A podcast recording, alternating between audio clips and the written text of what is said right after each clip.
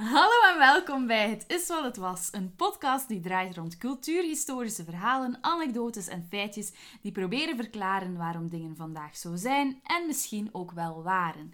Mijn naam is Maaike en bij mij zit Claire Eline, de Amazone die door haar moed en heldhaftigheid mijn Fries van Pergamon wel mag sieren. En Mark, het beste exportproduct uit de Denderstreek, sinds Raf Koppens in 1991 voor de eerste keer zijn levens, eh, levensvreugde sorry, met het publiek deelde. Is, is, is dat de Raf Koppens van, van Catnet? Of... Ik nee, dat is staf, Catnet. nee, dat is Staf Koppens. Nee, nee, nee, nee, nee. Andere, andere koppen. Nee, ik was eerst eh, lichtjes beledigd, maar oké. Was niet nodig.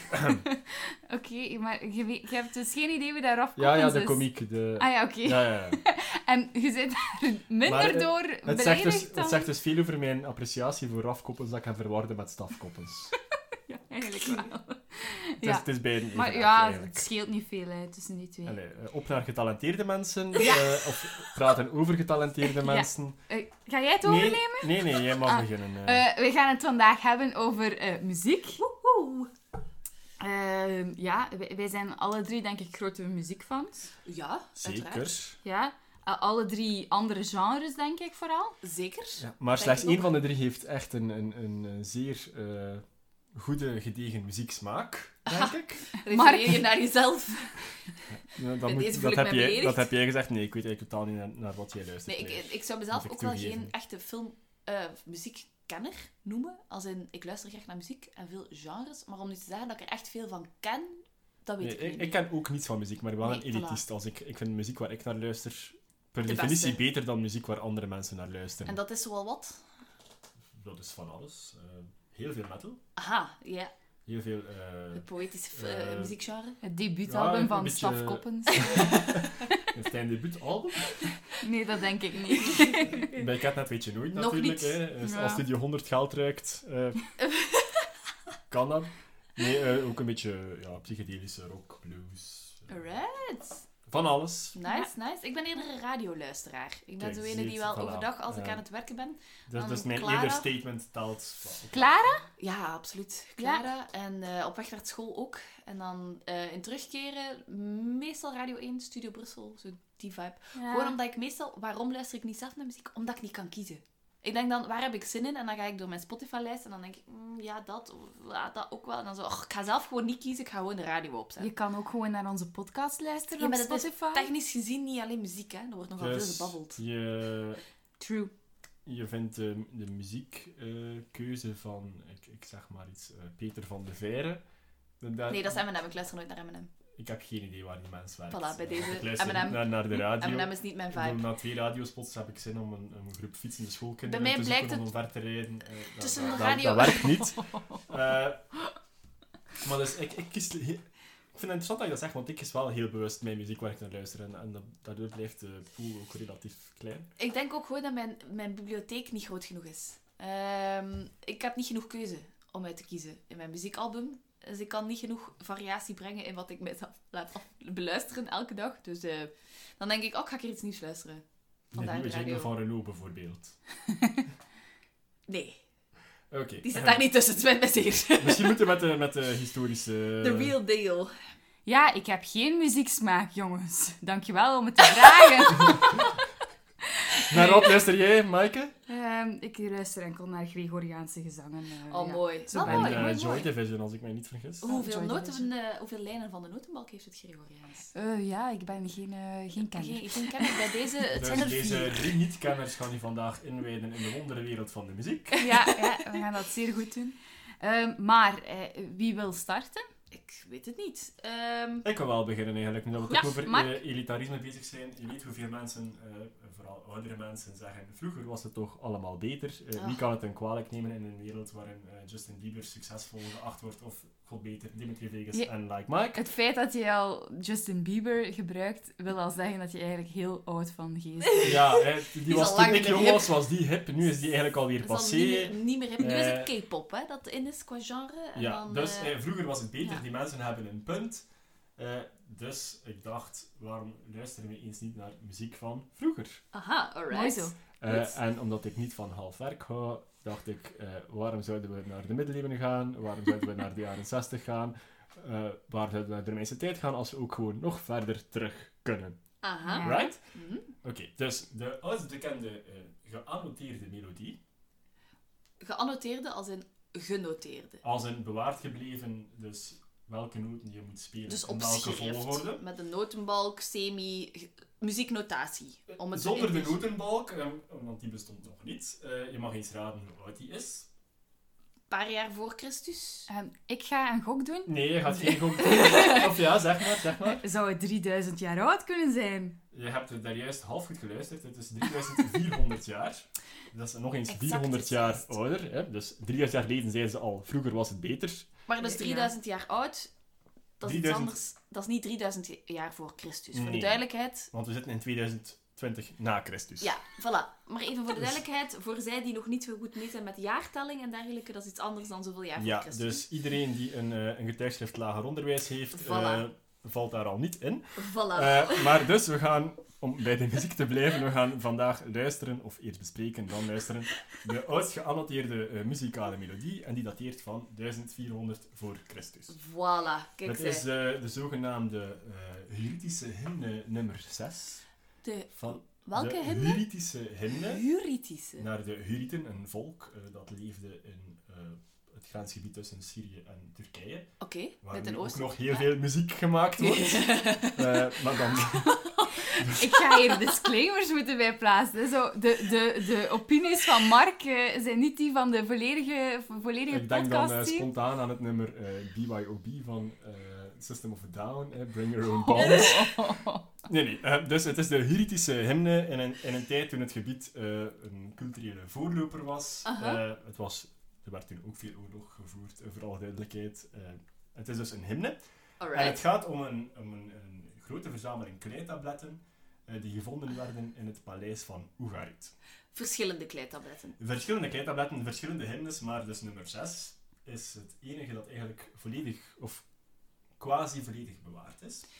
En moet ik dat dan verstaan als in één hymne stond op ver- één palet of stond één hymne verspreid over verschillende paletten? Goh, eh, dat is eigenlijk een goede vraag. In dit geval is het één tablet dat bewaard is, waaruit men dus de hymne heeft gereconstrueerd. Maar er, is dus een grote verzameling, tientallen eh, tabletten of in fragmentarische staat gevonden. En er zaten er ook twee bij die uitlegden hoe dat je je eh, lier of harp moest stemmen. Dus het is onduidelijk, voor mij toch althans, wat de exacte samenhang is tussen al die fragmenten die samengevonden werden. Maar ik wil het specifiek hebben over die Hurritische hymne nummer 6. Het klinkt een beetje als een klassiek stuk. ja, Het is dus Inderdaad. klassiek. de zoveelste symfonie van deze nummer Het was een 6. klassieker, hè. Ah, De, tijdloze. Sowieso uit de kanon. over het hoofd gekeken. absoluut. Eh, en- Verborgen pareltje. eh, ja, ten, ten, voordele van dan minder tijdloze goden als, ik zeg maar iets, Luc de Vos. Man, echt waar. Ik ga u eruit keren. Laat mij ranten, dit is mijn, mijn jam, eh, om ja. het zo te zeggen. Oh, het is Mark zijn stukje hoor. Ja, ja. Allee, doe maar. Je hebt, je hebt de jam eh, mop. eh, Ik heb ze overgeslagen. Ze over je hoofd gevuld. Nee, maar dus, het is, eh, wat je daar juist zei, een notenbalk, dat is het dus niet, voor alle duidelijkheid. Het is Mhm. een spijkerschrift op kleitablet. Mhm. Moeilijk te lezen, moeilijk te vertalen, moeilijk te interpreteren. Dus de, de interpretaties van het muziekstuk lopen nogal uiteen, maar de melodie zelf is wel hetzelfde. Oké, Natuurlijk heb je buiten melodie in muziek ook vaak een ritme. yes. Dus je kan daarmee spelen. Er is ook gezang. Er zijn lyrics eh, Mhm. die ik niet kan opzeggen, aangezien ik totaal niet eh, spreek of kan lezen wat dat betreft. Eh, maar het is echt een, een, een hymne, een nummer.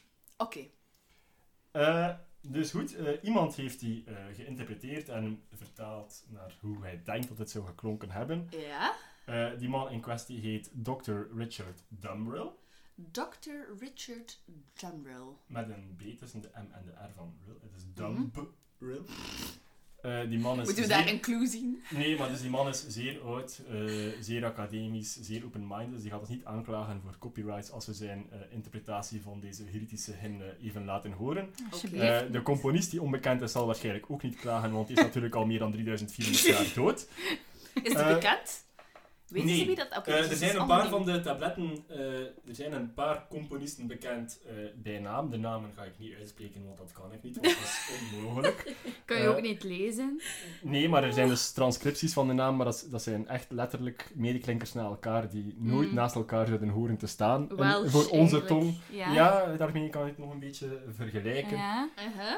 Eh, nu goed, en ik vond toen ik eerst luisterde, dat klinkt eigenlijk behoorlijk eh, als wat ik graag hoor. Oké. Mhm. Dus eh, ik ben waarlijk een, een boomer, eh, zo blijkt. Eh, dus ik stel voor dat we daar even eh, naar luisteren en er later over gedachten eh, van wisselen. Oké.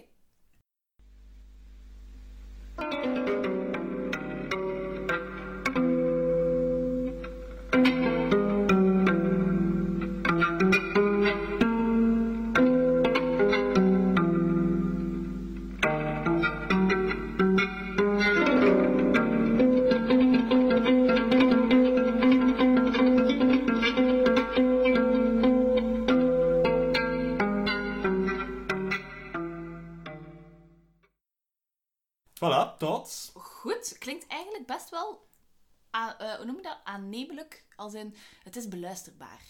Je hebt soms zo van die oude muziek waarvan dat je echt denkt... Why? Ik ben blij dat je erover begint, want daar gaan we ook naar luisteren. Yay! Dus ik heb gezegd, eh, het, het is zeer hip, hè. dus je zet er een beat onder, doet er een basgitaar bij en je hebt eigenlijk een, een, een van de betere trance nummers eh, van Ja, tegenwoordig. ik zou dit wel tof vinden in zo'n een of andere mindfulness yoga-achtige Ja, of een, of een eh, shisha-bar. En voilà. Eh, Ja. Dus ook in die context een beetje dat we dat moeten zien. De koning die lang uitlegt en geniet van een muziekje gespeeld door een bevallige slavin. Op dus Mhm. een eh, lier. Nu, om het over lieren te hebben. Dit is dus de oudste geannoteerde muziek die we hebben, maar het eh, op één na oudste snaarinstrument dat ooit gevonden is. De oudste instrumenten zijn eerder eh percussie-instrumenten of oude fluitjes. eh, maar de op één na oudste snaarinstrumenten die ooit gevonden zijn, zijn gevonden in Irak. Die zijn nog eens duizend jaar ouder.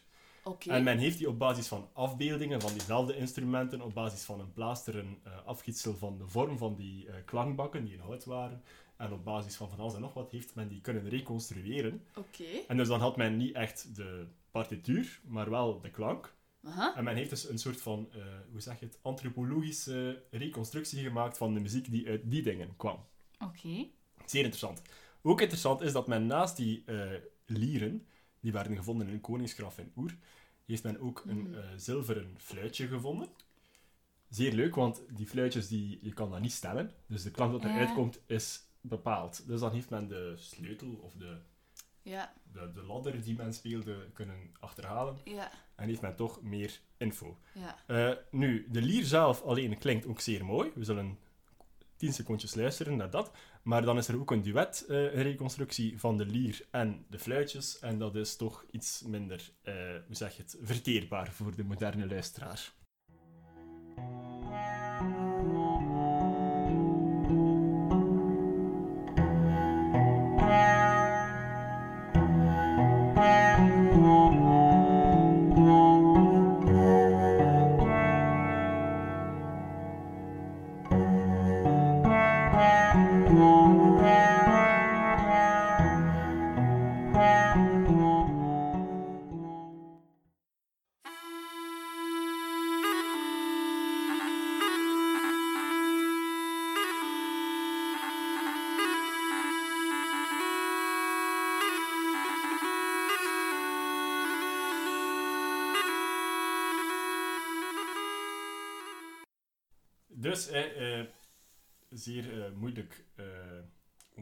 Luisteren. Ja, het was een- voor mij althans. En ik ben nogthans open-minded, heel hard into metal, maar dat is Oh. echt wel te extreem. Maar die, die fluit klinkt echt als een doedelzak. En dan... Ja, of als een ik Ja, ja, en zo heel schel. En je, oh, je wordt er echt ambetant van. Dus eh, die, die fluit en die lieren zijn in een graf gesmeten. Eh, je, kan je, perfect voorst- je kan je perfect voorstellen waarom. Hè. De koning is dood, fuck die mens, fuck die zijn smaak, weg met die instrumenten. bye, bye bye. Eh, er was zelfs, eh, dus dat is een massagraf met heel veel slavinnen die mee met de koning begraven worden. Ik heb daar in een eerdere aflevering al eens kort over verteld, geloof ik.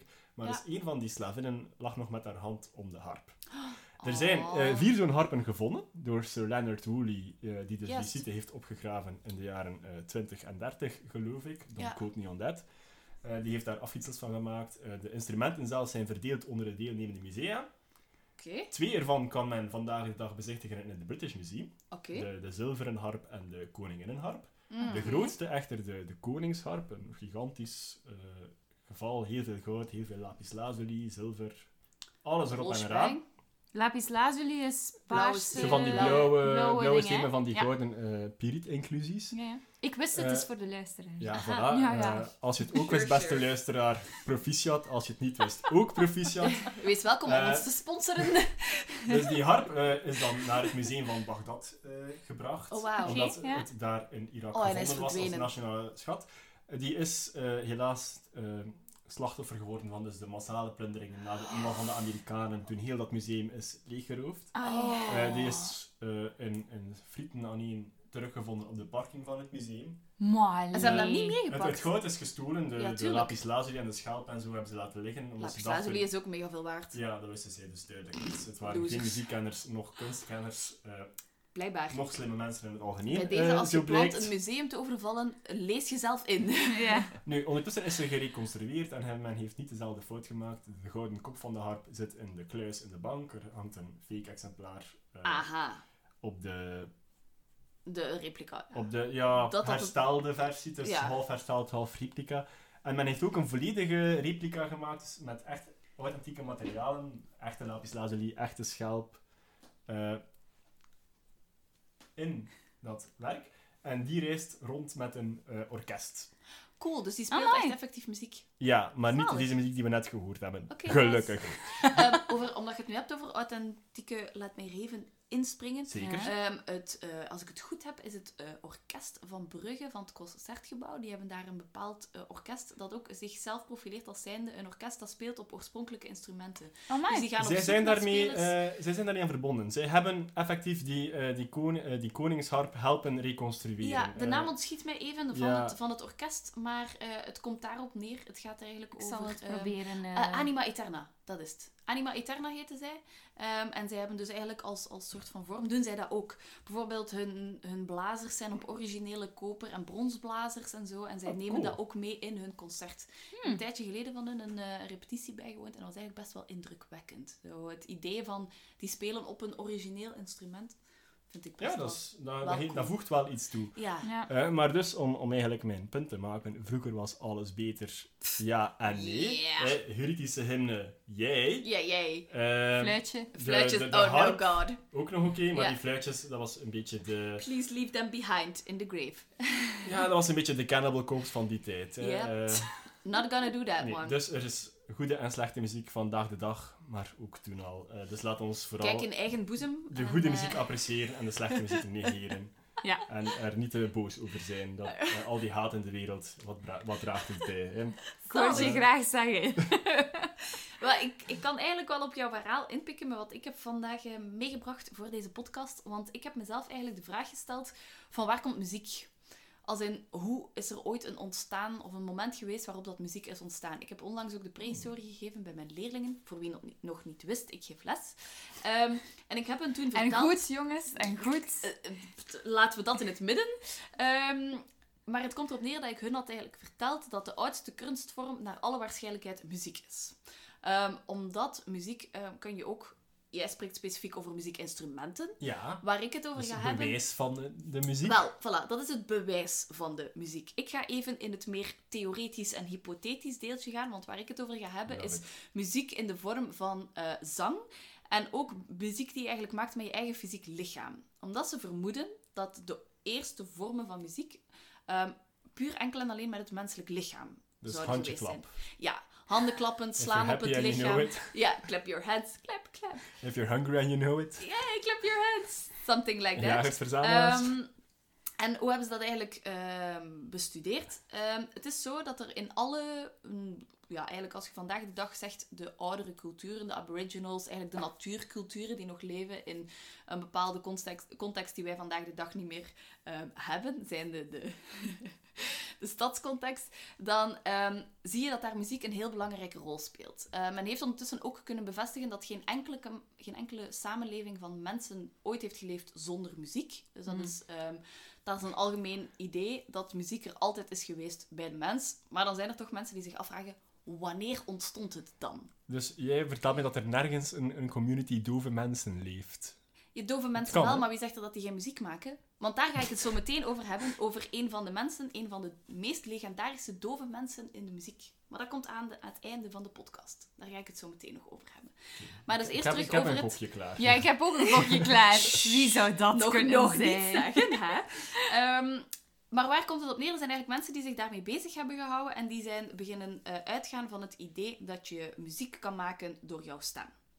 Wanneer gebruik je jouw stem? Dat is wanneer dat je taal produceert. Wanneer dat je eigenlijk klank produceert in een vorm van conversatie. Dus ze zijn die twee beginnen linken en ze zijn eigenlijk naast elkaar beginnen leggen van wanneer zou de muziek of het zingen of het bedoel, produceren van keelklanken, laten we het in die ruime versie zien. Dat is niet zang zoals dat wij het vandaag de dag kennen, zoals operazangers en dergelijke. Zo verfijnd zou het nog niet geweest zijn. Het zou vooral een, eh, een nut hebben gehad, zoals dat bijvoorbeeld bepaalde vogels een eh, bepaalde melodie produceren om een andere partner te verleiden. Vermoedt men dat dat reproduceren van bepaalde klanken ook een vorm van sociale constructies zou teweeggebracht hebben. Ja, ik denk dan meteen aan zo'n wolven die huilen in, in, Ja. in het woord. Hè. Voilà, dat soort dingen, maar dan door de Ja. mens. Ik Voilà. denk aan Michael Bublé. Wat? Oké. Maar, ja. Maar wat is dus het moeilijke aan die hypothese, zoals dat Mark daarnet ook al zei? Ehm, je kunt dat niet bewijzen omdat daar geen schrift van is. Er is niemand Ja. die voor het schrift... Ja, het schrift is ontstaan 3000, of rond 3500 jaar voor Christus in Mesopotamië. Het spijkerschrift. Maar de mens is al duizenden, meer dan duizenden jaar oud. En men vermoedt nu dat er tussen eh, de 50.000 jaar geleden en 100.000 jaar geleden de eerste vormen van zang en dergelijke zou geweest zijn. Waarom vermoeden ze dat? Omdat ze dat hebben eh, gelinkt aan bepaalde fysieke ontwikkelingen. Voornamelijk het strottenhoofd. En eigenlijk het strottenhoofd, dat is wat dat wij gebruiken. Om, allee, als je slikt, dan zie je dat op en neer gaan. Bij mannen is dat wat uitgesprokener dan bij vrouwen. De Adamsappel. De Adamsappel. Ehm, en dat gebruik je dus ook om te zingen, om bepaalde klanken en eh, toonhoogtes te kunnen reproduceren. En ze hebben eigenlijk dat gebruikt om te kijken wanneer zou dat ongeveer gebeurd zijn. Ehm, dat is een zekere Stephen Mitten, een eh, Britse archeoloog die zich daarmee heeft bezig gehouden. En die zegt eigenlijk dat ehm, muziek en zang ontstaan zou zijn tegelijk met de spraak. Dus die zegt eigenlijk op het moment dat de mensen zijn beginnen spreken met elkaar, dat er ook een vorm van muziek moet geweest zijn. Dat zijn Dat is wel theorie. zeer, eh, hoe, hoe zeg je het, eh, conjectureel, eh, zeg je dat in het Nederlands? Geen idee. geen idee. Ik Ik ga zou Ah, het ook niet weten. Maar het, ik- daarom dat ik zeg, de lucht ik, gegrepen? ik neem het op een filosofischer vlak, omdat we dat niet met... Allee, we kunnen dat niet bewijzen, we hebben daar geen bewijzen van. De eerste, het eerste instrument dat gevonden is, is een fluit uit vogelbeenderen eh, en die dateert uit 34.000 jaar voor Christus. Mhm. Dus dat is zogezegd het oudste instrument. Maar Ja, zang dat zou dus... bevestigd. Er Ja. zijn ook zo van die stenen waarvan men denkt Ja. van men slaat erop en daar komt wel een geluid uit. Voilà. Maar Dat dat, is zeer hypothetisch. Ja. Zoiets als een beentje dat ook effectief gaatjes in zijn gemaakt, daar Ja, kun je was sneller het. van zeggen van dat is effectief een instrument. Maar er zou dus daarvoor veel langer zang geweest zijn. Eh, ik ga vanaf nu spreken over zang en niet over muziek, want voor mij is muziek genoteerde muziek en zang is dan gewoon wat dat je Maar beschouw je produceert. dan een, een eh, als we dan spreken over een wolf in het bos, zeg Dat je dan die, die, die zingt? Nee, dat is klank. Want als een mens op zijn vier poten in het bos zit, eh, hetzelfde geluid Met zijn produceert, vier poten. dus dan kan, dan kan die archeoloog zeggen, die is aan het zingen. Ja. Is die het zingen? Laten we dan de gewoon aan zang het- ook informeren als klank. Ik herinner mij in het zesde jaar cultuurwetenschappen dat wij eh, zo de, de definitie van, van cultuur of van kunst was dan alles wat niet natuur was. En ik weet dat ik daar met eh Helemaal meneer niets mee Verzelen zo'n discussie over heb gehad en ik zie dat allemaal niet terug passeren. Zo. Dus Ja. nu moeten we meneer Verzelen wel een recht van antwoord geven, aangezien we op hem aan het kakken zijn. Voilà. Eh, dus meneer waar. Verzelen, het is wat het was, at gmail.com. Eh, richt je klachten tot Maaike. Eh, En dan you. nodigen we je graag uit voor een eh, gesprek waarin jij jouw visie uit de doeken doet. Wees wel gekomen als Nee, nee, nee, deskundige. Nee, nee, nee, nee, nee, nee, nee, nee. Meneer Verzelen, dankjewel voor eh, ook mijn mentor te zijn. By the way. Maar dus klank of zang. Laten we het over klank hebben. Hij spreekt in zijn thesis ook over sound. Dus meer over klank dan echt Mhm. over zang. Ehm, dus die Steven Mitten zegt dat het ontstaan zou zijn tegelijk met de spraak. Dus dat die eigenlijk elkaar tegelijk zouden ontwikkeld hebben. Ehm, dan heb je Darwin. De jonge heer die spreekt daar ook af en toe over. Echter heel kort maar. En die zegt dat eh, de zang er zou geweest zijn voor de spraak.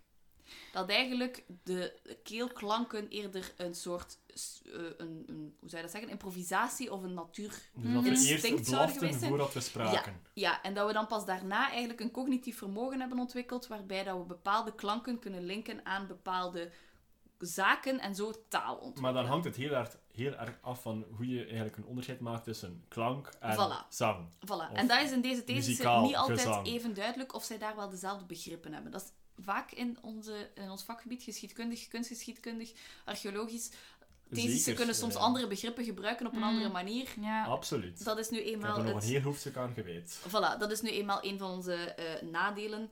En dan heb je nog een derde die zich daarmee bezig gehouden heeft. En dat is een zekere Steven Pinker. Die is, eh, dat is een taalkundige. Dus die Ja. is geen muziekkundige, maar dat is een taalkundige. Ja. En die zegt eigenlijk dat eh, muziek en zang een speels gevolg was en een verfijning van het ontstaan van de taal. Dus eigenlijk Het afhankelijk van... Ja, Dus, dus we zeggen alle drie... eh, ze zeggen eigenlijk alle iets drie iets anders. anders. Met het verschil dat Darwin dat gewoon maar ergens vermeldt en daar geen thesis of, of geen artikel over heeft geschreven. Die vermeldt dat gewoon ergens tussen de soep en de patatten. Ze hebben dat dan achteraf wel teruggevonden. De andere twee hebben zich er wel effectief mee bezig gehouden. Ja. Ehm, om dan mijzelf hierin te mengen. Ik geloof wel dat... ehm, Voor een Ik vierde dus- mening...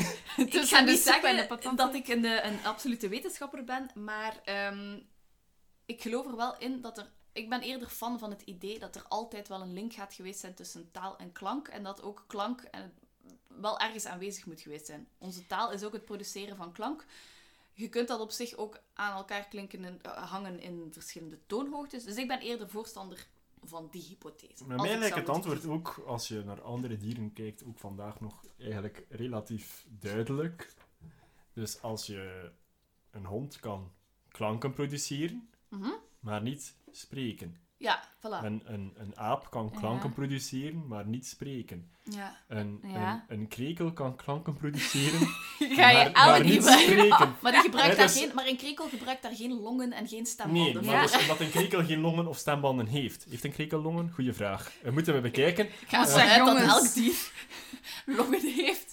Ze moeten toch ergens mee ademen? Geen Nu idee. zit er een of andere bioloog zit te luisteren als ik denk, oh my god, wat voor kalm zijn dat in godsnaam. Je bent Bij bij, deze deze- van harte welkom ook. Elk zijn specialisatie. visie op krekels in de Ehm, toeken te komen doen. Wees wel gekomen voor... ehm, het is wat het was, at Kom.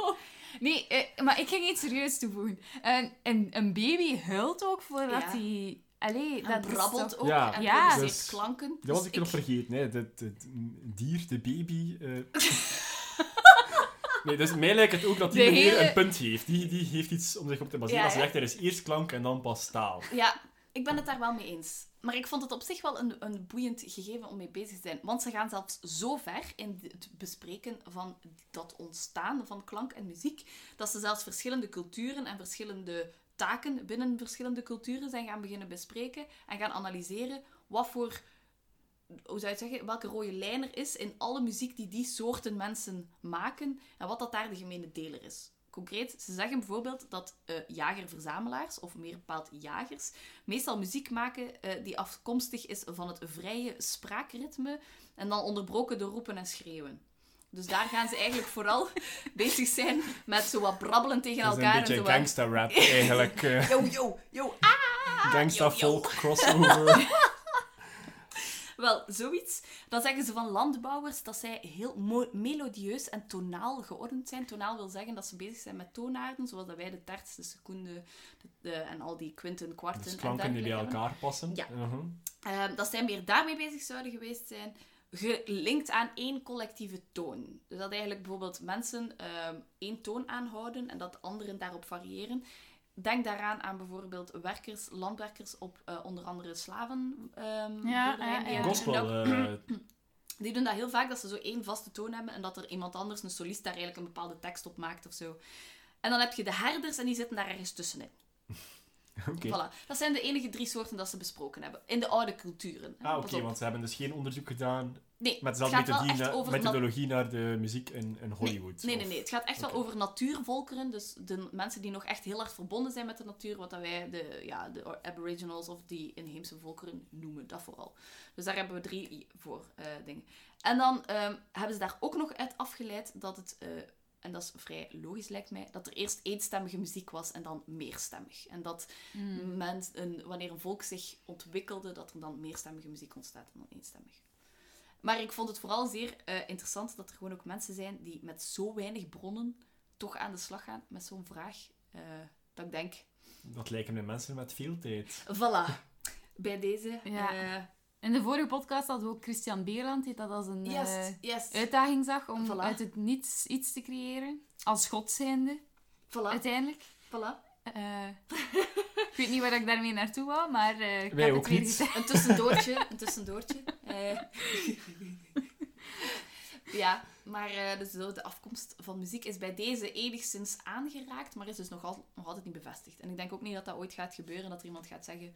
Toen werd de eerste klank of de eerste melodie uitgebracht. Ik heb net gezegd wanneer de eerste melodie is uitgebracht. Neergeschreven. Neergeschreven. Neergeschreven. Wil niet zeggen, men weet dat er daarvoor een orale cultuur was waarin dat te veel verteld werd Al en die meesterwerken verloren voor de geschiedenis. Triestig, triestig. Ja, dat is wel jammer in feite. Ja. Ja, op zich is dat wel een Ja, moet je dat feit. voorstellen toen destijds zei van hé, hey, waarom zit jij dat op te schrijven, dommerik? We kennen het toch uit ons hoofd? Ja, en nu denken wij, waarom heb je dat niet neergeschreven? Het is wel een tragisch Mevrouw, staat dat in de cursus? Exact. feit. Anders ga ik dat vergeten. Ze. Moet ik Ja. dat opschrijven? Goh, als je dat onthoudt, wilt onthouden, liefst ja. Maar dat is zoveel werk. Oké, ik merk potentieel voor een spin-off rond ik- zagen over leerlingen in, in de les. Een special over quotes uit de klas. Nee, dat gaan Ik we heb er ook wel een paar eigenlijk. Quotes maar- uit de klas? Ja, Wel, bij maar deze. Maar voor de volgende Mark, aflevering. Mark, jij bent geen, geen, eh, geen actief leerkracht meer, dus dat nee, mag niet. dus ik kan vrijheid spreken over de dingen die ik gezien en meegemaakt Nee, heb. nee, nee, nee, nee, Zonder nee. schrik voor represailles. Nee, nee, nee, nee, nee. nee. Dat gaan we niet doen. Goed, zal ik beginnen over... Ja, eh, waar Ja. ga jij ons mee Ja. verblijden? Ehm, ik, ik heb het over iets totaal anders eigenlijk. Nou, Jullie hebben nou. zo echt zo de, de echte schi- geschiedkundige... Over muziek, zoals je gevraagd had, ja. Ja, maar daarom, wel, het was een breed thema, maar ik, hè? ja, ja, ik vond het eigenlijk te breed. Ik ook. Ik ook. Ehm, maar het, het feitje wat ik nu ga vertellen, dat, dat, daar loop ik eigenlijk al een jaar mee rond. En ik heb het aan niemand anders kunnen vertellen dan mijn wederhelft. Aha. Dus het moet eruit. Dus ehm, ik, ga het hebben, ik ga het hebben over censuur. Aha, interessant. Love it. Ja. Ja, Ehm, eh, interessant gegeven. Zeker als ze Justin Bieber censureren. maar wat heb je met Justin Bieber? Niets, helemaal niet. je bent zo oud, hè. Jij, dat is niet Oldschool. normaal. Ehm, Baby, baby. Ja, Ik mijn, uitvaart is alvast eh, geregeld. Eh, uitvaart? ja, hè. Ah, Ah, ja, maar het is Vanaf een hè? zekere Ja, leeftijd moet je daar eens Ja. beginnen vooruit denken. Hè. Dan kijk je achteruit in plaats van vooruit. Dat gebeurt al eens. En dus moet je ironisch genoeg vooruit beginnen denken. Ehm, eh, beste luisteraars, Mark is zo oud niet hoor. Dat is, dat is echt niet waar. Maar dus, censuur? Ja, wel, ik ben hier op mijn, eh, mijn gsm even aan het opzoeken wat ik aan jullie wou tonen. Kennen jullie... ehm, Kennen wij. Wij kennen veel, kennen jullie dat we dat dit? kennen? Hebben Ja, jullie ja, dat ja. ooit al gezien? Ja, ja, Ja, op, op vele albums Ja. Wa- Ja. Waar staat en dat voor? Maar dat is toch zo'n groep van parents die... Of allee, parents, zo heet het. Maar het is eigenlijk gewoon een groep van mensen die beslissen of bepaalde content goed is voor een bepaalde leeftijdscategorie, als ik het juist heb. Ja. Ja. ja. En ik ga het daarover hebben. Maar dat is een specifiek label voor muziek, toch? Hè? Want je hebt een Absoluut. gelijkaardige voor film en dergelijke. Ja, er staat dat ook is zo een ander 16 systeem, plus dat is en zo. Ja. Ja. Dus ik, ik wil het graag hebben over het eh, eh, PMRC, het Parents Music Resource Center. Ja, vooral ook parents in uw eigen naam steken. Ja. Why? Ja, dus eh, ik ga ook het logo dat ik getoond heb, maar voor de meeste luisteraars zal het wel, eh, wel zeer... eh, Het is zo zwart met wit en er staat op explicit content. voilà. Google it. Je kent het. Eh, je kent het zeker. Ehm, dat, ehm, dat label is eigenlijk in voege gebracht door een vrouw waarvan je het eigenlijk niet zou denken. Het is namelijk eh, bedacht geweest vooral door Tipper Gore. Zegt die naam iets? Nee, totaal niet. Had ik nooit verwacht. Nee, ik ken die mevrouw. Dan ken je niemand anders met de, met de achternaam Al Gore? Gore. Ja, Al Ja, Gore. de vrouw van Al Gore, Oké. Ah. die eh, second lady was van... eh, Klinkt als iemand die daar tijd zou voor hebben, Dus ja. Al Gore was vicepresident van de Ameri- Am- Amerikaanse Verenigde Staten. Ja, van, van Nice save. contaminatie, jongens. eh, van Amerika. Ehm, eh, tussen 1993 en 2001. En daar hoort dan een vrouw bij. eh, dat is is namelijk eh, Tipper Gore. Eh, ondertussen zijn ze wel al niet meer samen, na 40 jaar huwelijk. Oh, Eh, in so 2010 sad. zijn ze uit elkaar gegaan. Maar Tipper Gore was daar. En zij heeft samen met een aantal andere Washington wives, wordt daar dan, Oh ja, vrouwen Daar die, kunnen we ons iets bij voorstellen. die gelinkt zijn aan politieke figuren of zelf ook in Ja. de politiek zitten. Heeft zij in 1985 het Parents Music Resource Center opgericht. En dat is naar aanleiding van het feit dat haar 11 jaar oude dochter, Karina, denk ik dat het uitgesproken wordt, eh, luisterde naar een nummer. Dat is een van mijn favoriete nummers aller tijden. Het is daarmee dat ik het zo'n tof feitje vind. Ehm, het nummer Darling Nikki van Prince. Oei. Mhm. Kennen jullie dat nummer? Waarschijnlijk. Mm, waarschijnlijk wel, maar ik kan het zo niet voor de geest halen. Het staat op het album Purple Rain. Ik denk dat Ja, ja. Purple Rain zit hier ergens Purple achter mij in de Rain. platenkast. Purple. De- de- de- de- Sorry. mijn, mijn, ja, Sabam, hè. Sabam. Achtergrond, Dat is een toevallig. interpretatie van dus- Voilà. Ehm, maar ehm, ik, ik heb de eerste zinnen daarvan, van dat nummer, heb ik opgeschreven. Maar ik heb daar juist ook al verteld aan eh, Mark en, en Claire, beste luisteraars, dat Google Podcasts en Spotify, zij hebben zeer strenge regels over wat je eigenlijk mag zeggen en wat niet. En technisch gezien ben ik niet... Ja, mag ik gewoon geen expliciete pornografische taal gebruiken? Want dan zou eigenlijk onze podcast... eh, Een ander ja, label moeten krijgen. Een ander label moeten krijgen. Niet in de, eh, de stats eh, Ja. tevoorschijn komen. Dus- Seks. Eh, We besparen jullie jij de gaat nog mijn ondergang verzorgen. Hè. Ik weet dat gewoon. Ik denk dat we schorsing moeten invoeren ja, vanaf ja, nu. ja, ja. Maar rode kaarten en censureer mij dan niet, Ruud. Ja, als zij ons censureren, dan moeten wij het iemand, eh, zoals dat ze zeggen, hè, de last van de baas komt Zo, bij de eh, Ja. werknemer. Een welgetimede bliep, meer heb je niet nodig. Nee, nee, dat is waar. Het is wel meer werk voor mij. Maar goed, dus de eerste zinnen van het nummer eh, Darling Nikki heb ik vertaald, vrij vertaald. Ja. Omdat ik dacht, ik ga... Hè, eh, ik Mhm. Je ga herinterpreteert. eh, Ja, geherinterpreteerd en proper blijven. En dus, ik ga die voorlezen. Met evenveel charisma als Prins dat doet. Ehm, ik kende een meisje met de naam Nikki. Je zou kunnen zeggen dat ze van dingen hield waar je meerderjarig voor zou moeten zijn. Ehm, ik ontmoette haar in de lobby van een hotel, terwijl ze aan het doe-het-zelven was aan de hand van een zeer duidelijk uitgelegd tijdschrift. Dat zijn de eerste eh. Ja. zinnen van dat nummer. Daar kunnen we iets mee. En daarna wordt het nog lyrisch, ja, beter. Het is eh, Maar, mooi eh, verhuld, moet ik zeggen, Ik allemaal heb tot echt, toe. ik heb echt mijn best gedaan. Ja, echt waar. Ehm, maar goed, dus, dus eh eh, Corina was daarnaar aan het luisteren. Supergoed nummer. Als je dat niet kent, ga dat gaan opzoeken. Fantastisch nummer. Maar eh, Tipper was dus eh, was, was van haar een apropos. Die kon dat niet aan. En zij heeft eigenlijk voor Congress dat gebracht dat er heel veel muziek op de radio gespeeld werd, op Ja. eh, MTV in die tijd ook, eh, die niet safe was voor jonge oortjes. En zij zei eigenlijk van ja, wij moeten ervoor zorgen dat zij afgeschermd worden daarvan en dat wij ouders ook kunnen informeren over, nat, over welk soort eh, ja, eh, ja, bucht waar de kinderen naar Ja, luisteren. dat dus duidelijk was wanneer dat een muziekstuk niet geschikt was voor bepaalde leeftijden. Ja. Het doet mij denken aan die hijsen rond, rond het... eh, zo rond het nummer Stairway to Heaven, als je dat Oh, ja, ja. achterstevoren afspeelt, dat Ja. dat heel satanistisch was. Ja, Of rond dat nummer van Judas Priest, waar dan Ja. twee mensen zelfmoord, Zou zelfmoord, ja. gepleegd hebben. in Purple, Purple Rain zit er op de eh, albumversie zit er een stuk omgekeerde tekst op het einde. En eh, Hmm. die is, ja, in normale volgorde is die Hello, how are you? Fine, fine, because I know that the Lord is coming soon. Coming, coming soon. Mag dat wel van, eh van Sabam? Mag dat wel? Ik, ik Het is heb gewoon dat, de lyrics die staan ja, ik, sowieso ook ik op heb dat nu gewoon... eh, Oh, ah ja, juist, maar het is niet pornografisch. Oké, nee, nee, ja. Ben mee. Wel, ja, jawel, zegt niks over ook... pornografie, hè. trouwens. Dat is Google die zegt dat we niet mogen pornografisch mogen zijn. Ja, maar het is Sabam die ook last... Ga something, verder. something. Te Ja. veel censuur. Mark Dus- ging even de wind in. De Ja. mist in. Dus dat, het feit dat dat omgekeerd is en het feit dat daar van alles staat over de Lord en coming soon en zo, en je kan er iets bij voorstellen en zo, Mhm. eh, dat, dat was ook al not done. Aha. Ehm, dus ze hebben eigenlijk een soort van lijstje voorgesteld ook van de Filthy 15. Oké. De 15 nummers die eigenlijk echt not done waren, die echt beter niet meer gehoord En werden. dat zit daarbij. Eh, Eat Me Alive van Judas Priest zit daarbij. Terecht. Oké. Door Darling Nee, nee, Nikki. niet terecht, maar Ja, ja. Maar ja, Ja. ik snap het. je snapt waarom. Oké. Darling Nikki staat op 1.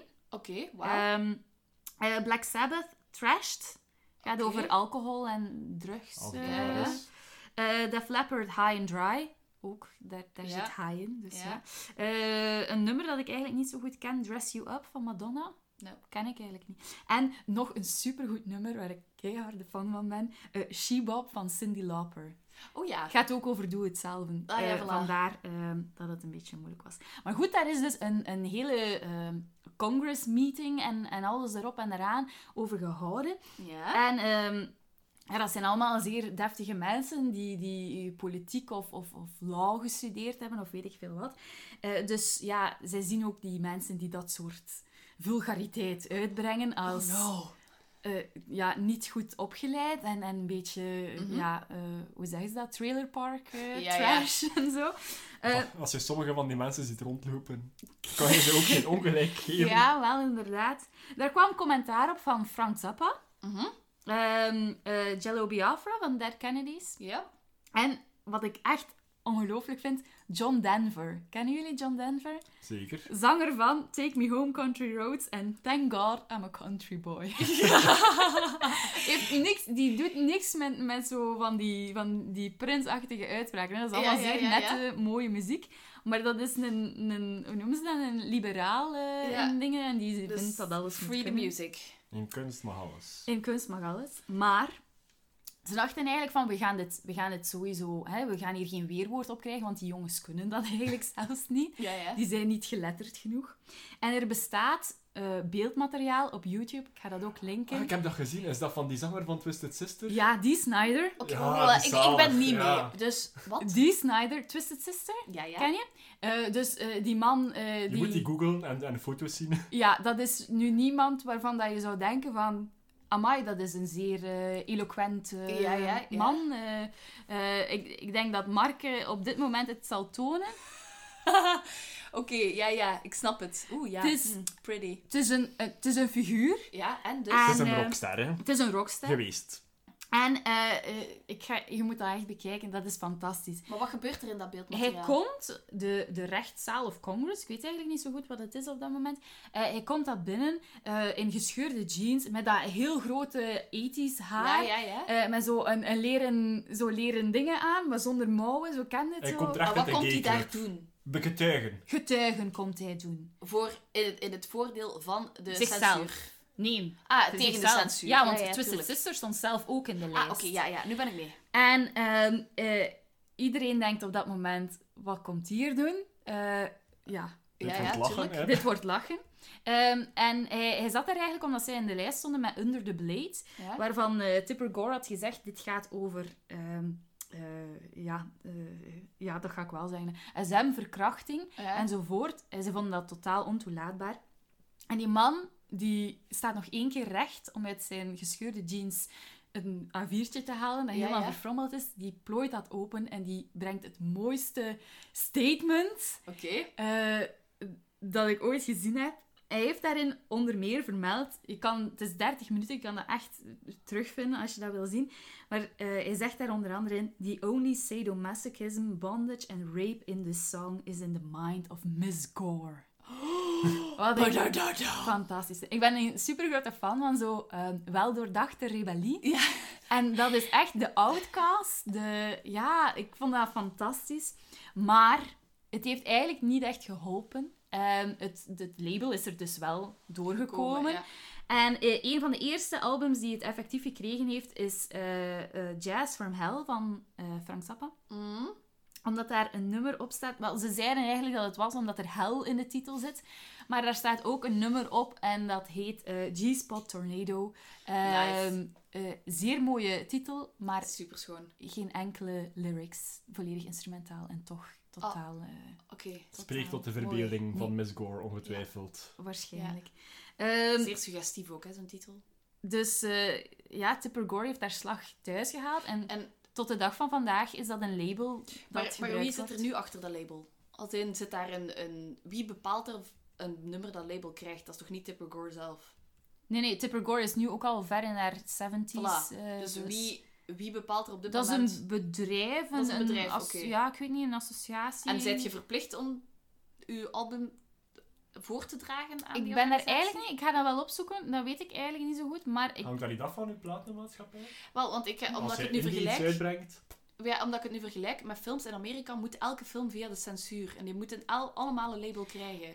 Dat is Ja. verplicht om hem uit te brengen in Amerika. Is dat ook zo met cd's? Ik denk Albums? dat het niet... Ik denk dat het inderdaad van label afhangt, want ik weet, eh, denk ik, de, de man van Def Jam kan er niet op komen wat zijn naam Ik is. helemaal niet. Maar eh, ik denk dat die ook zoiets gezegd had van, ja, dit is eigenlijk forbidden fruit. Dus op den duur zijn sommige rappers het ook beginnen doen. Want ja, als je als, als puber dat ziet in een Ja, ja, eh, cd-rek in 2006, ja, dan moet je dat toch wel hebben, zeker? Ja, ja, ja, tuurlijk. ik Dus moet dus het label wordt eigenlijk- van Eminem waarin hij rapt. eh, Will Smith don't got a cuss in his record. Uh, Ja, his voilà. raps to sell records, well I do, so fuck him and fuck you too.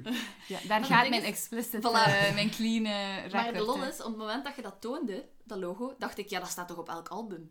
Dat was mijn Ik eerste heb het nooit aangetrokken. Maar ja, ik ook helemaal niet. Ik wist niet eens dat het bestond. Maar ik dacht dat dat gewoon zo een label was van, het is oké of zo. Ik dacht dat op bijna alle albums stond. Ik denk dat het op dit moment... eh, dat er waarschijnlijk weinig labels zijn. Als, als het zo gebeurt, ik ga het opzoeken, maar dat die daar zich niet meer aantrekken. Want Maar ja, het maakt wie, niet uit. wie, wie geeft daar nu nog om? Ik kijk daar echt wel niet naar. In Amerika is het wel waar dat dat, dat wel nog altijd leeft. Hè? Zeker ook zo met films en zo. Dat is wel... Ja, ik heb ook wel ergens een filmpje gevonden. Ik zal dat ook in de, in de dingen zitten. In de... eh, hoe noemt dat? De doobly-doo. Ja, dat, dat, de doobly-doo. Dat van een, een, een jongen die in high school zat in, eh, in de Verenigde Staten en die de No Cuss Club had opgericht. En hij heeft een zeer mooi nummer geschreven over eh, Don't Cuss. En dat is eigenlijk voornamelijk de, de lyrics ook. Dus dan kan je weinig fout doen. Hè, Ja, als dat denk ik eh, ook. ehm, het is hilarisch. Maar om al de verkeerde redenen is het hilarisch. Maar daarom Die jongen is vast zeer populair op school. maar het is al van even geleden, dus wie weet wat er van hem geworden Ja, alles is hip, nu. hè. Oude cultuur, zoals eh, Mark daarnet zei, wordt altijd eh, wordt zeer geapprecieerd, hè, wat er vroeger gebeurde. absoluut, absoluut. Omdat het... ehm, ja, om, af te sluiten, Ging je zou ik geen dan zeggen. dove, eh, Ja, dove muzikant Omdat je het nu hebt over onthullen? oude mensen, ik ging het zeggen over... Wie, wat is jullie gok van de dove muzikant? Ah, eh, Beethoven? Ja, tuurlijk. Uiteraard, Tuurlijk. ja. Ah ja, oei, ik was al bang van. Nee, nee, nee, nee, dat, nee, is, nee, nee. dat is niet waar. Ik heb dat gefactcheckt. Ik was daarbij. Ja, zeg, zot, ik was daar niet bij. Die kerel is stokoud onder... Allee, die is al dood en die was stokoud als hij zijn laatste symfonie schreef. Dus daar laten we, laten we even in het midden... Nee, maar waarom dat ik dat zo fascinerend vond. Ik, eh, ik was onlangs naar Clara aan het luisteren, om ook weer het begin van onze podcast even te vermelden. En het ging over de zoveelste verjaardag, geloof ik, of... Enfin, het ging over de negende symfonie van Beethoven. En dat is zowat zijn, ja, zijn magnum opus, Mhm. wordt vaak gezegd. Dat is met de, eh, met de finale aan het einde, waar de ode aan die Freude in wordt gezongen. Dat is, ook- dat is ook heel lang... Wat is Kun- dat? kun je- Europees volkslied? Ja. dat, dat Oeh, dus. dat was een vals. Bij deze mogen het Sorry, zangtalent van Mike Sorry, sorry. Ja, Dat is Ode aan die Freude. Dat is, is dat niet het Europees volkslied? Ja, Ja, ja. Dat is van bij Eurovisie Songfestival. Ja, voilà. En dat is dus, dat is dus de eh, finale van de negende De symfonie van Beethoven. Sorry, laat daar eens uit. Toen wij afstudeerden aan de universiteit, werd dat ook collectief gezongen in, eh, in de aula. Ja, is dat zo? Ja, ja, dan wordt het Belgisch volkslied, eh, het lied van de Ah, ja, universiteit waar, ja. en het Ja. Europees volkslied. eh, Ah ja, ik was daar ook inderdaad. Ik heb die Ehm, herinneringen eh, verbannen. Maar- Ik heb dat vroeger nog gezongen als kind in het kinderkoor waar ik in zat. Toen wist ik dan nog niet dat dat helemaal gelinkt was aan Beethoven. Maar dat is dus de negende symfonie van Beethoven. Mhm. Ehm, om het over die eh, presentatie van dat stuk te hebben. Er zijn twee steden, eh, Vienna en Berlijn. Dus Wenen en Berlijn, die eigenlijk elkaar ja, hadden in oorlog zijn begonnen. Met wie dat uiteindelijk die symfonie, die laatste symfonie van Beethoven, mocht tonen in hun groot concertgebouw. Het is Mhm. uiteindelijk wel Wenen geworden. Ehm, het is de eerste keer op het moment dat die... eh, de eerste keer in twaalf jaar dat Beethoven terug in de publieke ruimte komt. Waarom? Hij is tegen dan al eigenlijk zo goed als stokdoof. En hij heeft die volledige symfonie geschreven op het moment dat hij al zo goed als doof was. Dus hij kon eigenlijk nooit aan zichzelf laten luisteren hoe iets klonk. Goed, première. Omdat hij ook zei van zichzelf dat hij wel nog het orkest wou dirigeren, is hem toegestaan. Uiteraard, hij was de grote Beethoven. Maar hij hoorde helemaal niet wat dat er gebeurt in het orkest. Niet gemakkelijk. Nee, voilà. Dus hebben ze ervoor gekozen om er een tweede dirigent bij te zetten, Umlauf. En die eh, heeft heel lang samengewerkt met Beethoven, maar die heeft stiekem tegen zijn orkest gezegd, kerels, je moet niet kijken naar Beethoven, je kijkt alleen maar naar mij, want die kerel weet echt niet wat dat er aan de hand is. Dus wat deed Beethoven? Die gaf de maat aan aan het begin van het nummer. Umlauf nam dat over en die nam dan daarna gewoon heel dat orkest terug over. En dus Arne Beethoven stond met zijn armen te zwaaien Ja. en niemand luisterde. En hij wist Voilà. niet dat En hij wist luisterde. eigenlijk zelf ook niet, zou je kunnen zeggen. Hij wist niet hoe dat het klonk. Ehm, ik vond dat wel best grappig, want dat is een van zijn best onthaalde symfonieën. Maar heeft hij dus geschreven bijna volledig doof en hij heeft het zelf nooit gehoord. Dus hij heeft die uitvoering nooit kunnen horen zoals wij die vandaag horen. De reacties waren, eh, ik geloof dat er negen staande ovaties waren, maar omdat Beethoven dus het geklap van de mensen niet hoorde, had hij ook niet door dat hij zich moest omdraaien naar het publiek om te buigen. Dus er is op een bepaald moment Die is Ah, wel, aan de hand van... er is op een bepaald moment een zangeres hem gaan halen om hem om te draaien naar het publiek. En dan zag hij ondertussen al, de, ik geloof de tweede of de derde staande ovatie, dat ze weer waren gaan zitten en recht gaan staan en gaan zitten en gaan recht gaan staan. En dan had hij door dat het wel eens ongelooflijk eh, zot onthaald werd.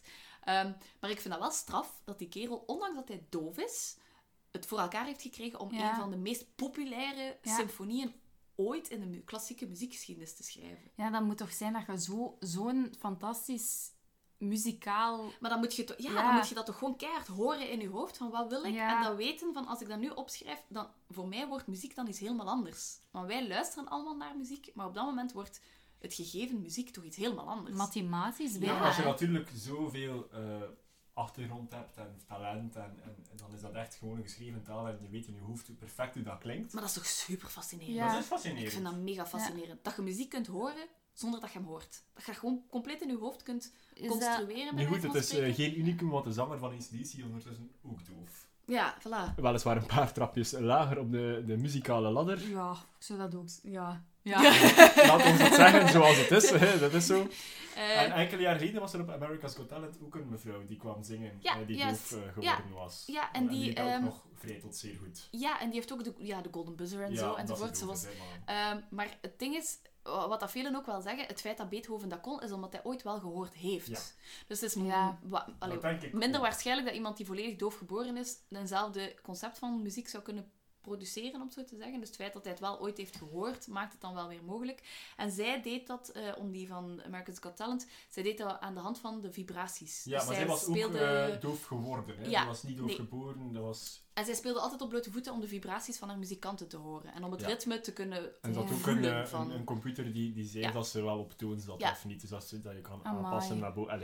Dat zij wel kon beslissen Allemaal, van, oké, eh, nu zit ik op de juiste toonhoogte. technische snufjes die Beethoven niet Ja, had. Hè? Die had hij helemaal niet. Maar die Ja, moest dat ook ja. niet zingen. Maar ja... Het is wel echt, als je zegt, de negende symfonie, moet toegeven, dat is wel ook een van mijn favorieten. Als ik van Beethoven mag, of van zijn negen symfonieën. Er Ja, zijn er denk 1, dat 3 en enkel de 9. vijfde en 1, de 3, 6 en negende 9 echt vind ik wel. Ja, wel. Dat zijn de, de bekendere zo. Hè? Ja, de derde soms ook. Ah, ja. En het hangt er vanaf van wie en wat. Maar, enfin, ehm, maar ik vond dat best wel indrukwekkend. Ik, dat is al een beetje dat ik ooit in de middelbare school heb gehoord. En ik dacht echt. Zo getalenteerd dat die kerel is. Back in the day. Ehm, en dan wil ik er nog eentje aan toevoegen dat mij als, omdat we het over muziek hadden, en dat was ook het eerste waar ik aan moest denken, dat is iets dat mij altijd heel hard heeft geboeid. En dat gaat over de figuur van Wagner, een van die grote namen ook nog altijd uit de klassieke muziek. Ehm, waarom? Ik dacht vroeger altijd, ja, dat is natuurlijk de misconceptie van een, eh, een jong kind.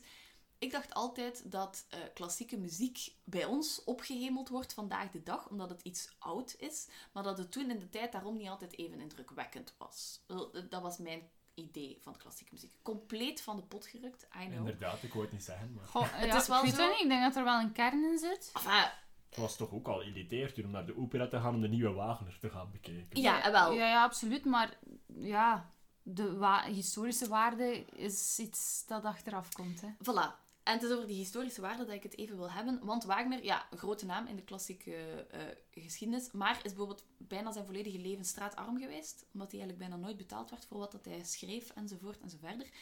Ehm, maar die leed soms nogal aan grootheidswaanzin.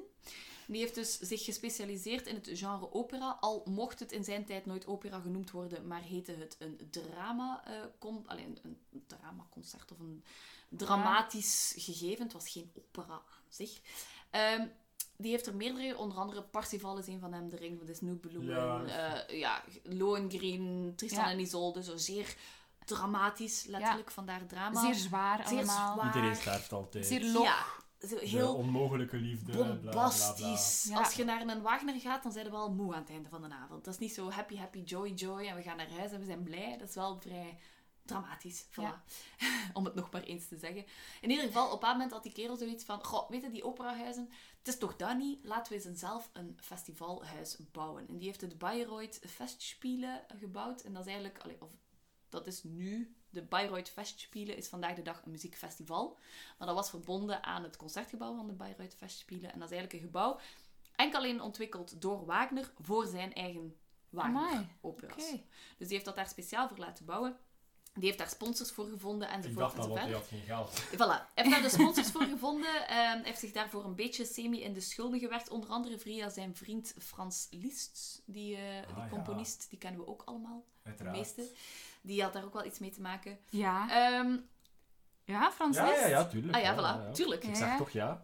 Oké, en maar dan wil Waarom ik nog even hebben, mij, omdat je, zo, omdat je het hebt over die culturele waarden. De Bayreuth Festspielen was de allereerste keer, als ik het goed heb, in 1876. En dat was voor de eerste keer de integrale opvoering van de Ring des Nibelungen van Wagner. was daar de allereerste keer. Ehm, dan kon je gewoon, dat was eigenlijk een soort muziekfestival. Je betaalde een ticketje en je kreeg meerdere operas van Wagner te zien. Alleen Wagner. Niks anders. Gewoon Wagner Ja, gedurende hallo. volledig De Bayreuth line-up was hier Festspielen. beperkt. voilà. Zeker, want dat is ook, hij heeft er niet zoveel. Dus ja, als je geluk hebt. Enfin, ehm, dat is dan even moeten uitgesteld worden. En de eerstvolgende opvoering wegens eh, financiële problemen kon pas weer plaatsvinden in 1882. Dus de eerste is 1876, tweede 1882. Ja. Dus daar zit wel wat tijd tussen. In ieder geval, toen was dat zoiets van, goh ja, semi-interessant, laten we eens gaan kijken. Ondertussen is dat een van de eh, meest populaire muziekfestivals ter wereld. Ehm, vandaag de dag worden er alleen nog maar open, eh, alleen Wagner-operas getoond. Dat is, vindt meestal plaats tussen 25 juli en 8 augustus. Dan wordt er dus met een specifiek orkest zijn opera Ik opgevoerd. heb net verlof dan. Voilà. Ehm, dus Niet te missen. zijn doel was om die eh, voorstellingen gratis te maken voor iedereen. Dat was eigenlijk zijn ideaal, dat eigenlijk iedereen zijn kunst kon ontdekken. Mhm. Vandaag de dag is dat helemaal anders, want in het verleden was de wachttijd gemiddeld 10 jaar om een van de eh 54.000 jaarlijks beschikbare toegangskaartjes Dat is gelijk het nieuwjaarsconcert. eh, Voilà. Ja, dat is een loterij, letterlijk. Hè, om Ja. te mogen kopen. Voilà. Dus dat is echt gewoon... Je moet je voorstellen dat je 10 jaar wacht. Ik bedoel, oude mensen die zijn al dood en na 10 jaar... Ik bedoel, je zit dan te wachten op je ticketje, je krijgt het dan eindelijk en dan ligt je in het ziekenhuis. Ja, maar de wereld is aan de jonge mensen. Hè. Eh Ja, oké, Oude voilà. mensen hadden Eh. 50 jaar zeker maar moeten gaan. En dan staat er ook zo leuk bij, als je zo wat artikelen leest, staat er ook heel vaak bij, dan zo, omdat je zo lang moest wachten op je ticketje, had je ook maar meestal eenmaal de kans om te gaan. Ja. Omdat je inderdaad op 20 jaar, je wordt dan een keer een beetje ouder, zeker als je een beetje financiële ruimte hebt vergaard. Ehm, ondertussen is het nu zo, dus er zijn er veel meer kaarten. En gebeurt het af en toe wel eens dat er een plaatsje vrij is. 2016 waren er zelfs enkele plaatsen vrij. Enkele als in zo 10, 20 van de 54.000. Dat is Mhm. gigantisch veel, hè? Ehm, vandaag de dag is het dus nog altijd een, eh, een ensemble, een totaalervaring. Dus het gaat echt wel over daar de opera beluisteren, maar ook daar zijn, in dat gebouw. Volledige Wagner, ja, adoratie zou je kunnen zeggen. Het ticketje kost tussen 35 en 280 euro. Dus het idee van het gratis te doen, dat is ondertussen helemaal Ja. eh, opzij gezet. En ehm, dat vind Belangrijk, ik wel... hoeveel kost een pint? Ja, dat, dat staat er niet bij. Je dat we even naar Wager zetten? Ja. Kijk, dat zo ondertussen Bavik drinken. Oeh, gaat geen Stella of duurt wat? wel vier uur, hè. Ja, zo'n opera duurt wel echt super lang. Ja, er moet toch ergens een hamburgerkraam zijn om kleine, eten? kleine honger. Nee, nee, er staat in de brochure dat je picknick moet meepakken. Ah, Ah, dat mag? Dat weet ik helemaal Ah, niet. nee, oké. ik dacht dat het serieus waar Dat was. weet ik helemaal niet. Enfin, ehm, ik vond dat wel indrukwekkend, eh, omdat zo, weet je, zo een, een kleine componist die zodanig gelooft in zijn eigen werk en zegt van, ik ga het zelf bouwen. Ja, er is veel rond te doen rond Wagner, onder andere met Hitler en zo, dat hij daar mee Ja, te maken heeft. Zal wel zijn. Ehm, er is heel veel gedaan om dat weg te krijgen het, van het Wagner-idee. Ehm, en ondertussen is er een permanente Wagner-tentoonstelling en wordt het nog altijd eh, opgevoerd, elk jaar. Dus wie zich geroepen voelt om eens de totaalervaring van de, van de Wagner mee te pakken. Rep u naar eh, Bayreuth. Maaike, heb jij nog concerttips voor ons? Eh... eh, nee. Toen bleef het Ik stil. was, ik was echt op zoek naar een mopje, maar het kwam niet. Ik vroeg Nee. een concerttip, geen eh, mopje. Maar eh, oké, yes. Raf Koppens misschien, of Saf Koppens, of, eh, Ja, maar wie is het nu, hè? of een van de andere Koppens, eh, ja, mensen. Nice. Eh, nee, ik heb daar eigenlijk niks... eh, maar we kunnen misschien wel nog Aha. de recalls doen van de Ah. ja, vorige... recalls, Ehm, absoluut. Ik zal de spits afbijten. Wat, maar wacht, zei- wat is een recall? Ah ja, dus een, een rechtzetting eigenlijk. Van Ja. vorige podcast. Dus wij beweren dat we zeer eh, serieus eh, en academisch zijn. En Wij dus- beweren dat wij serieus zijn, En dus dat dat wij stoppen. alles op voorhand eh, nagaan wat we vertellen. Nu, de waarheid gebiedt mij te zeggen dat dat niet altijd het geval is. Dat er Eh, soms ja. wel eens iets... eh, We maken soms eens gebruik van ons permanente kennis. ja, en die dan soms dan wel eens blijkt tegen te vallen. Zo Ja. blijkt eh, achteraf.